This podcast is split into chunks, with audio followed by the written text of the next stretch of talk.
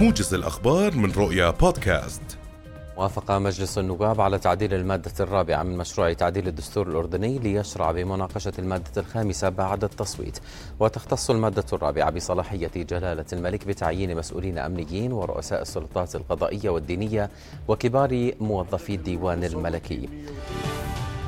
قال محافظ إربد رضوان العتوم إن تجديد الرقابة على تطبيق أوامر الدفاع ساهم وبشكل كبير في زيادة أعداد المقبلين على تلقي اللقاح في المحافظة. قال وزير الطاقة والثروة المعدنية صالح الخرابشي أن الوزارة تعمل حاليا على إعداد الخطة الوطنية الثالثة لكفاءة الطاقة في ضوء الدروس المستفادة من تنفيذ الخطط الوطنية السابقة لتحسين كفاءة استهلاك الطاقة في مختلف القطاعات. وأضاف الخرابشي أن الوزارة تعتمد على الممارسات العالمية الفضلى في هذا المجال بالتعاون مع جميع الشركاء ذوي العلاقة. شنت قوات الاحتلال الإسرائيلي فجر اليوم حملة مداهمات لمنازل في الضفة الغربية والقدس. وقال نادي الأسير الفلسطيني إن قوات الاحتلال اعتقلت 13 فلسطينيا من الضفة وأربعة شبان من القدس.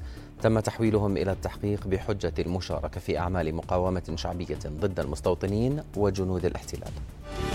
ذكرت قوات التحالف العربي بقيادة السعودية اليوم أن الحوثيين اختطفوا سفينة شحن كانت قبالة ميناء الحديدة وبين التحالف أن السفينة تحمل معدات للمستشفى السعودي موضحا أن عملية القرصنة تكشف خطر الحوثيين على الملاحة في باب المندب وقال التحالف أنه سيتعامل مع اختطاف السفينة بكل الإجراءات اللازمة بما فيها القوة إذا اقتضى الأمر. دعت وزارة الخارجية الأمريكية القادة السودانيين إلى ضمان استمرار الحكم المدني وتعيين رئيس للوزراء تماشيا مع الوثيقة الدستورية وذلك بعد استقالة رئيس الوزراء السوداني عبد الله حمدوك.